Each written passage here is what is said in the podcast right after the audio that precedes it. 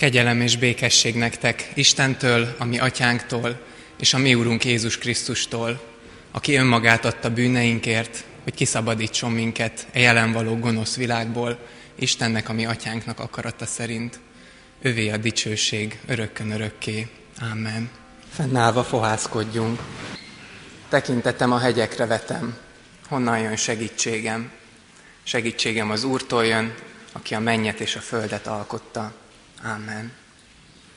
Hallgassuk meg Isten hozzánk szóló igéjét a Galatákhoz írt levélből, az 5. fejezet 26. versétől a 6. fejezet 5. verséig. Isten igéjét az egyszerű fordításból olvasom. A Szentlélek pedig ezeket termi meg bennünk. Szeretet, öröm, békesség, türelem, szívesség, jóság, hűség, szelítség és önuralom. Nincs olyan törvény, amely ezeket elítélné. Akik pedig Krisztus Jézushoz tartoznak, azok már megfeszítették a régi természetüket, annak szenvedélyeivel és vágyaival együtt. Mivel a Szentlélek által kaptunk új életet, ezért éljünk is a Szentlélek vezetését követve. Ne legyünk büszkék, ne ingereljük egymást, és ne legyünk féltékenyek egymásra. Testvéreim, előfordulhat, hogy valaki közületek valamiben vétkezik. Az ilyen testvért gyengéden és szelíden azok igazítsák helyre, akik a Szentlélek szerint élnek. De ők is vigyázzanak magukra, nehogy ugyanabba a kísértésbe essenek. Segítsetek egymásnak a terhek hordozásában, így engedelmeskedjetek Krisztus törvényének. Ha valaki nem akar másoknak segíteni, mert olyan fontosnak tartja magát, akkor valójában senki, és csak magát csapja be. Ne hasonlítsátok össze magatokat másokkal, hanem mindenki a saját munkáját tegye mérlegre. Akkor csak is a maga munkájával dicsekedhet, hiszen mindenkinek saját magáért kell felelősséget vállalnia. Imádkozzunk! Drága Úr Jézus, köszönjük azt, hogy itt lehetünk előtted. Köszönjük azt, hogy minden vasárnap, a Te feltámadásod napján Te a feltámadott vársz minket. Köszönjük neked, hogy ilyenkor jöhetünk mindazzal, amink van, jöhetünk az elmúlt hét terheivel, bánataival, örömeivel, és hozhatjuk eléd, ide önthetjük eléd, és várhatjuk, hogy Te mit mondasz rá. Olyan nagy kegyelem az, hogy bár bűnösök vagyunk, és hétről hétre vétkezünk, Te mégis a Te kegyelmeddel és bocsánatoddal vársz minden vasárnap. Így imádkozunk a mai napért. Kérünk, hogy Te szólalj meg, hívunk Téged, Szentlélek Úristen, hogy, hogy legyél itt közöttünk, hogy Te légy az, aki megtöröd a mi büszkeségünket, és a szívünk közepéig engeded a Te szavadat. Amen. Az előbb felolvasott szakaszból egy verset szeretnék kiemelni, a hatodik fejezet második versét. Én az új fordítás szerint olvasom. Egymás terhét hordozzátok, és így töltsétek be a Krisztus törvényét. Foglaljunk helyet. Melyik a világ legerősebb élőlénye? Erről olvastam nemrég egy cikket, amelyik felsorolta tíz legerősebb élőlényt ezen a földön, azt szerint, hogy testtömegének hányszorosát képesek ezek az élőlények felemelni. Én nem gondoltam volna arra az eredményre, ami kijött. Először nekem is eszembe jutott az elefánt, a grizzly medve, a gorilla, mint nagy állatok, akik biztos nagyon erősek, és ezek az állatok fönt is voltak ezen a tízes listán. A gorilla például tízszeresét is elbírja a saját súlyának, tehát egy 200 kilós gorilla az minden nehézség nélkül fölemel egy személygépkocsit, de mégsem ők voltak a legerősebbek. Eszünkbe juthat a hangya. A hangyáról ugye tudjuk, hogy nem csak szorgos, hanem nagyon erős is. És valóban a hangya is fönn volt, ugyanis testtömegének az ötvenszeresét képes um, felemelni. Ez olyan, mintha egy ember emelne fel egy autót, de a hangya is csak a harmadik volt a listán.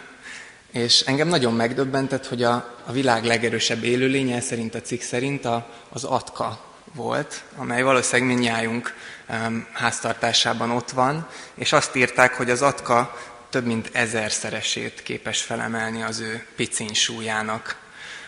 Érdekességként még kettő dobogósra szeretném felhívni a figyelmet. Az egyik, az egyetlen madár ebben a listában a koronás sas, amelyről azt írták, hogy nyáron akár egy 16 kilós tetemet is fel tud emelni, úgy, hogy ő kicsit több, mint egy kiló.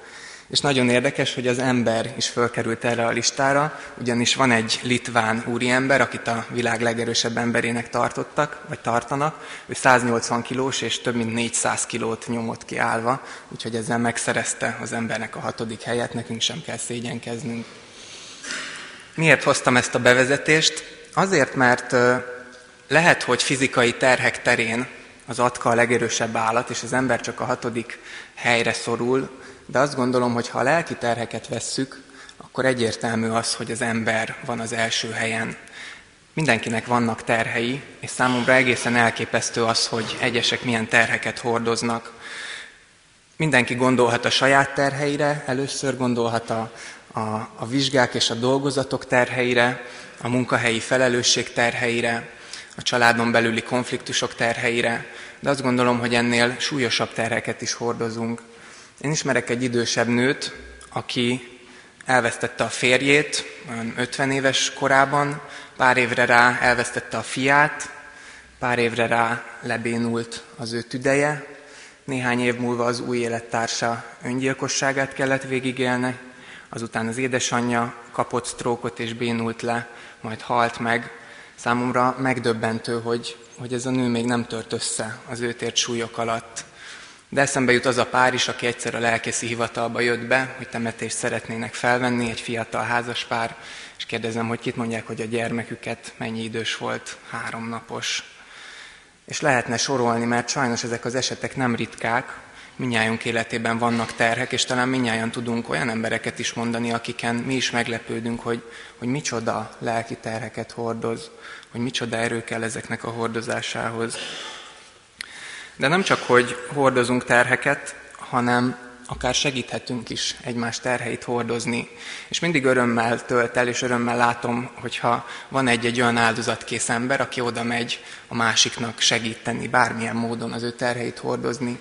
Viszont ugyanakkor fájdalommal tölt el, és sajnos azt kell, hogy mondjam, hogy talán ezt többször látom, hogy mégsem hordozzuk egymás terhét hogy itt vannak ezek a szenvedők körülöttünk, talán a gyülekezetünkben, talán az utcán, talán a családunkban, és mégis azt veszem észre magamon is, hogy sok, sokkal többször, sokkal könnyebben megyek el ezek mellett az emberek mellett, nem veszem észre az ő problémájukat, el vagyok foglalva a saját dolgommal, vagy lehet ezer más okom, hogy miért nem teszem, de mégsem segítünk egymás terheinek a hordozásában. Mindenki a saját terét hordozza, nyögalatta, pedig látjuk, hogy ebben a világban égető szükség lenne erre. Engem mindig nagyon megráz, amikor a hírekben ilyeneket olvasok, hogy hogy Magyarországon ennyi és ennyi ember fagyott meg idén, és hogy ezeknek egy része nem az utcán lévő hajléktalan, ő is nagyon szomorú, hanem, hanem a házában élő idős ember, akinek már nem volt miből fizetnie a számlát, és egyszerűen megfagyott, mert senki nem volt, aki az ő terheit hordozza, aki neki ebben segítsen. Vagy öngyilkosok, akikre napokkal később találnak rá, senki nem volt, aki az ő terheiket hordozza. És itt érek rá az ige szakaszunkra. A mai ige szakasz ugyanis a terhek hordozásáról beszél, erre szólít fel, de nagyon érdekes, hogy ez a szakasz ez összefonódik egy másik témával, amiről azt mondja Pál, hogy szerinte ez a legnagyobb akadálya annak, hogy egymás terhét hordozzuk. És e- ez a dolog pedig a, a gőg, a büszkeség, az önteltség. Nem tudom, hogy mi a jó szó rá, mert a, a büszkeségnek akár pozitív felhangja is lehet, például büszke vagyok valakire, a gőg egy kicsit régies, talán az önteltség a legjobb, de, de mindjárt elmondom, hogy mit is ért ez alatt Pál. Tehát egymás terhe hordozásának a legnagyobb akadálya a gőg, az önteltség.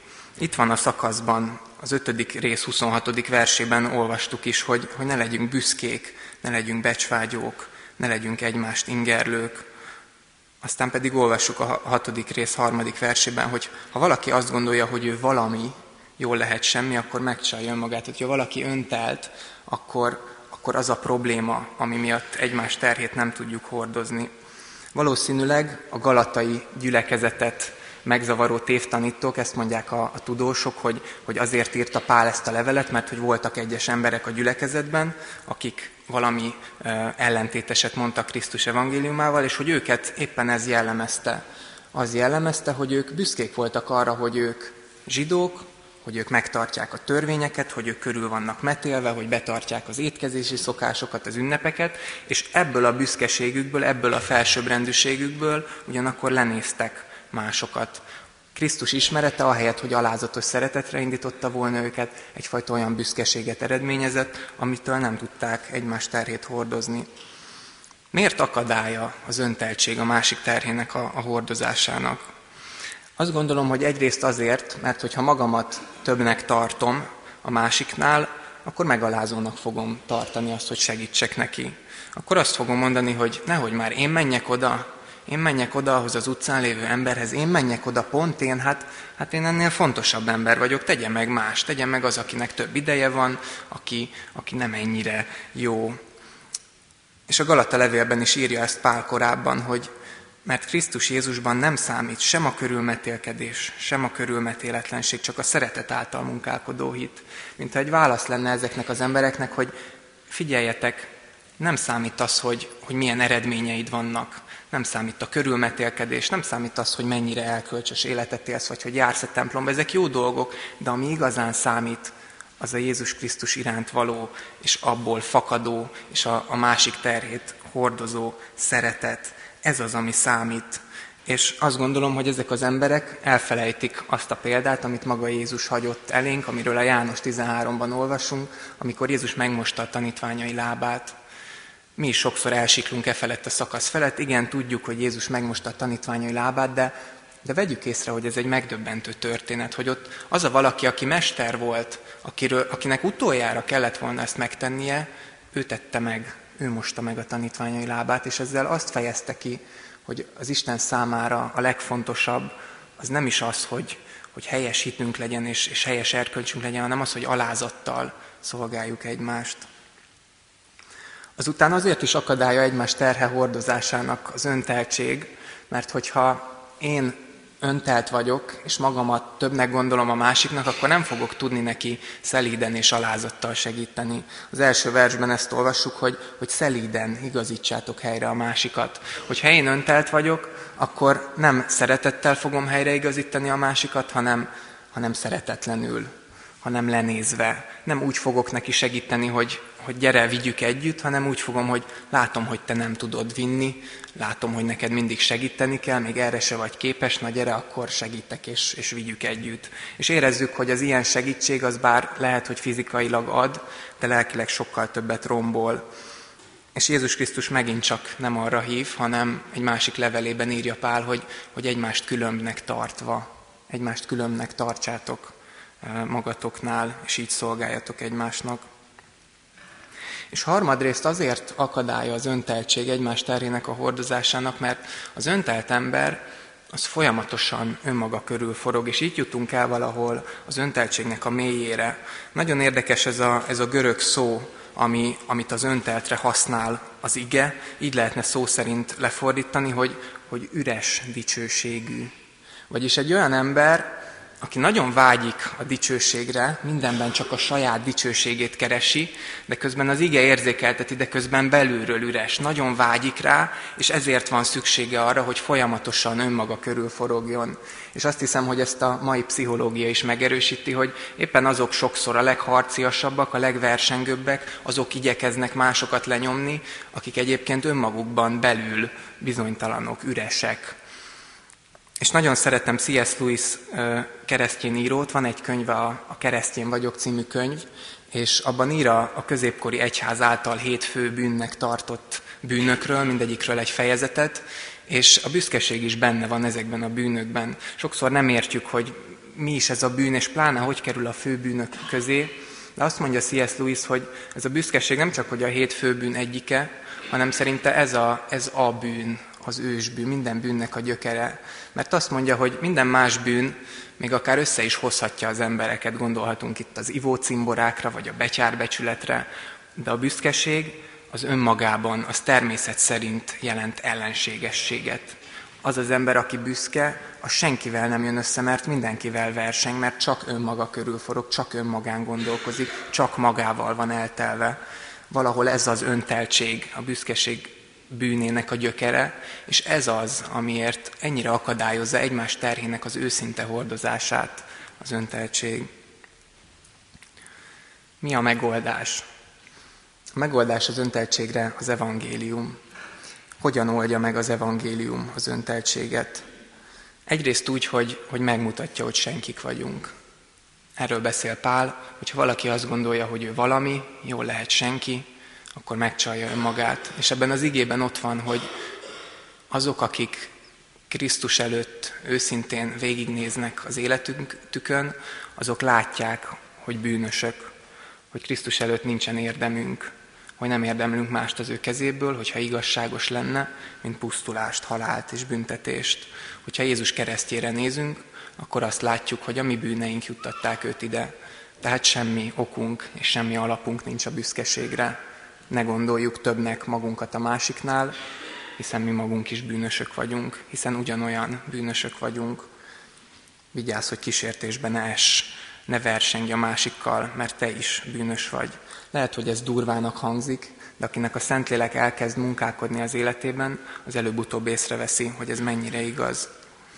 De a jó hír és az evangélium másik oldala, hogy nem csak a büszkeségünket rombolja le, hanem hogy ezt az üres dicsőségünket, amit annyira keresünk, ezt megtölti igazi tartalommal. Mert az evangélium nem csak azt mondja, hogy bűnösök vagyunk, hanem azt mondja, hogy Krisztus annyira szeretett minket, hogy önmagát adta a mi bűneinkért, hogy kiszabadítson minket ebből a gonosz világból és az önmagunk körül forgásból.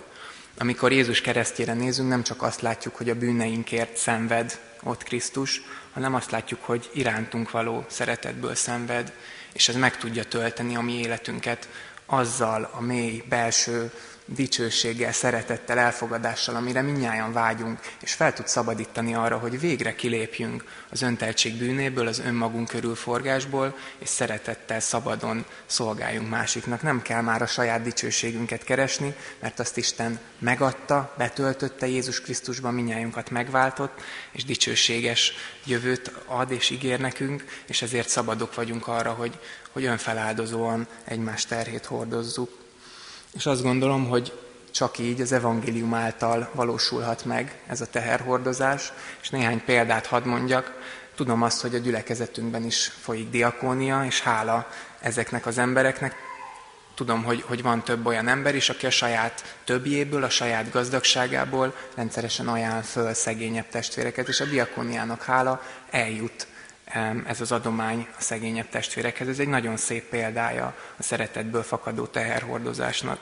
De nem csak anyagi segítségekre gondolhatunk, lehet ez bármilyen apró szívesség is. A feleségem Luca mesélte el egyszer, hogy egyik vizsgai időszakban, amikor nagyon készült fönn a könyvtárba, és, és, és minden idejét a vizsgára való készülésre fordította, milyen jól esett neki, amikor az egyik teológus társunk mondta, hogy megy le a boltba, és ne hozzon-e valami vacsorát neki. Ez is a teherhordozás egy példa, egy apró szívesség, amivel tudom könnyíteni a másiknak a terhét. Hadd tegyem fel a kérdést, hogy a mi életünkben kiknek a terhét tudnánk hordozni, hogyha belegondolunk a családunkba, a munkahelyünkbe, az osztályunkba, akkor ki az, akinek esetleg terhe van, és hogyan tudnám én ezt segíteni, én ezt könnyíteni. Két filmbeli példa is eszembe jutott még. Az egyik egy viszonylag új film, az a címe, hogy a fegyvertelen katona. Ez egy olyan fiatalemberről szól, egy olyan amerikai fiatalemberről, aki Isten iránt való elkötelezettségsből mm, úgy dönt, hogy nem hajlandó fegyvert ragadni, de közben mégis szeretne a hazájáért küzdeni. Be is jelentkezik a, a hadseregbe, és sok-sok megaláztatáson, meghurcoláson keresztül végül kijut a japán frontra, és az az ember azáltal lesz hős, hogy, hogy felcserként, gyógyítóként dolgozik, és ott a japán fronton 75 sebesültet ment meg. Úgyhogy miután az összecsapások véget érnek, sok ember marad úgy, hogy bár nem kapott halálos sebet, de nem tud kijutni a frontvonalról, és ez az ember a poklok poklában az életét kockáztatva menti meg ezeket az embereket. És ez a film ez egy igaz történeten alapul, ez egy létező ember. Ilyen végletekig is érthető egymás terhének a hordozása, hogy Jézus is mondja, hogy nincs senkiben nagyobb szeretet annál, mint ha az életét adja valaki a balátaiért. A másik film pedig a, a Gyűrűk ura, amit talán többen ismerünk. A Gyűrűk urának a szerzője, G.R.R. Tolkien, ő egy, egy hívő katolikus ember, és amikor a művét írta, ő el is mondja, hogy bár nem törekedett konkrét allegóriákra, de hiszi, hogy, hogy ebben a könyvben sok minden igazság kifejeződik Istenről. És arra a példára gondolok, amikor a, a könyv végén, vagy a film végén um, Ugye arról szól ez a történet, hogy, hogy Frodo, eh, a főhős kap egy küldetést, ahhoz, hogy a gonoszt elpusztítsa, el kell vinnie a gyűrűt a végzet hegyébe, és, és, és mennek nagyon sok nehézségen és bajon át a hű társával, a Samúval, és a film végén van egy ilyen jelenet, amikor Frodo a vége előtt nem sokkal összeesik és feladja, és azt mondja, hogy nem tud tovább menni, nem bírja tovább ezt a terhet hordozni és Samu próbálja vigasztalni, de semmi nem használ, és a végén ezt mondja Samu, hogy Frodo uram, a gyűrűt nem vihetem helyetted, de téged elviszlek. És fölveszi, és együtt teszik meg ezt az utolsó részt. És azt gondolom, hogy ez is egy nagyon szép kiábrázolása annak, hogy sokszor van olyan, hogy a másik terhét nem tudjuk fizikailag átvenni, mert mondjuk nem pénzbeli teherről van szó, vagy nem olyan teherről van szó, amit meg tudunk osztani, de akkor is odaállhatunk a másik mellé, akár a jelenlétünkkel, akár egy-egy vigasztaló szóval, vagy akár imádságban, imádságban is fölvehetjük a másikat, és hordozhatjuk őt imádságban, ezt így is mondjuk, vihetjük ott oda az ő életét Istenen és elé, és könyörüghetünk érte. Adja Isten, hogy, hogy az evangélium üzenetét minél mélyebben átélve bennünk is kiformálódjon, ez a fajta egymás terhét hordozó, magunkat alá, alázattal külön, egymást alázattal különnek tartó magatartás, és valósuljon meg az a mondat, amit Jézus Krisztus mondott a János evangéliumában, hogy új parancsolatot adok nektek, hogy egymást szeressétek. Ahogyan én szerettelek titeket, ti is úgy szeressétek egymást. Arról fogja megtudni mindenki, hogy az én tanítványaim vagytok, ha szeretitek egymást. Amen. Urunk Jézus, nem győzünk gyönyörködni az evangéliumban, nem győzzük csodálni a Te szeretetedet, köszönjük, hogy bár érdemtelenek voltunk rá, Te mégis önmagadat adtad, hogy kiszabadíts minket ebből a gonosz világból, hogy kiszabadíts minket az önteltség börtönéből, az önmagunk körül forgásból. Köszönjük, hogy szabadok lehetünk benned. Köszönjük, hogy megtöltöd az életünket igazi tartalommal, hogy nem kell másnál keresnünk a szeretetet, mert Te végtelenül szeretsz bennünket. Köszönjük, hogy szabaddá lehetünk kinyílni, mások terhét hordozni. Urunk, köszönjük azt is, hogy elégy jöhetünk, és, és hozhatjuk ennek a világnak a terheit. Hozhatjuk először a saját terheinket. Kérünk, hogy, hogy Te adj erőt hordozni ezeket. Te segíts megélni azt az igét, hogy rád vethetjük a terheinket, mert Te hordozod azokat. Így kérünk, hogy segíts a problémáinkon, konfliktusainkon, nehézségeinken, betegségünkön, gyászunkon.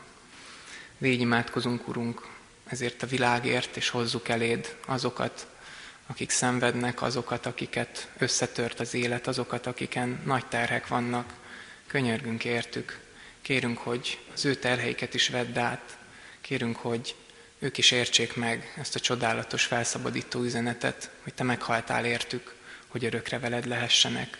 Kérünk értük, szabadítsd fel őket, szabadítsd ki őket a terhek alól, és a legnagyobb teher alól is a, az önmagunk körül forgásból is. Így kérünk. És Urunk, könyörgünk azért is, hogy Te formálj át bennünket, olyanná, hogy tudjuk egymás terhét hordozni. Az önteltségünk az megmarad életünk végéig, és életünk végéig küzdünk vele, küzdünk azzal, hogy, hogy kilépjünk, és más, mások terhét magunkra vegyünk. Kérünk, hogy segíts, hogy lehessünk ilyen teherhordó emberek, akár anyagilag, de akár egy-egy vigasztaló szóval, egy-egy odaállással, odalépéssel, adj nekünk bátorságot, hogy ne magunkat féltsünk, hogy ne, ne magunkra figyeljünk, hanem legyen szemünk a szenvedőkre. Így hozzuk eléd saját életünket, gyülekezetünket és az egész világot. Amen. Ebben a rövid csendben most mindenki a saját imádságát vigye Isten el, és a végén pedig az Úri imádságot mondjuk el közösen. Amen. Jézus, Te így tanítottál minket imádkozni. Mi, Atyánk, aki a mennyekben vagy, szenteltessék meg a Te neved. Jöjjön el a Te országod, legyen meg a Te akaratod, amint a mennyben, úgy a földön is. Minden napi kenyerünket add meg nékünk ma, és bocsásd meg védkeinket, miképpen mi is megbocsátottunk az ellenünk védkezőknek. És ne vigy minket kísértésbe, de szabadíts meg a gonosztól, mert tiéd az ország, a hatalom és a dicsőség mindörökké. Amen. Hirdetem az adakozást, mint Isten tiszteletünk részét, mert ismeritek a mi Úrunk Jézus Krisztus kegyelmét, hogy ő gazdag létére szegényé lett értetek, hogy ti az ő szegénysége által meggazdagodjatok. Amen. Új parancsolatot adok nektek, hogy szeressétek egymást, ahogyan én szerettelek titeket. Arról fogja megtudni mindenki, hogy az én tanítványaim vagytok, ha szeretitek egymást. Amen. Áldás békesség, áldott vasárnapot kívánunk mindenkinek.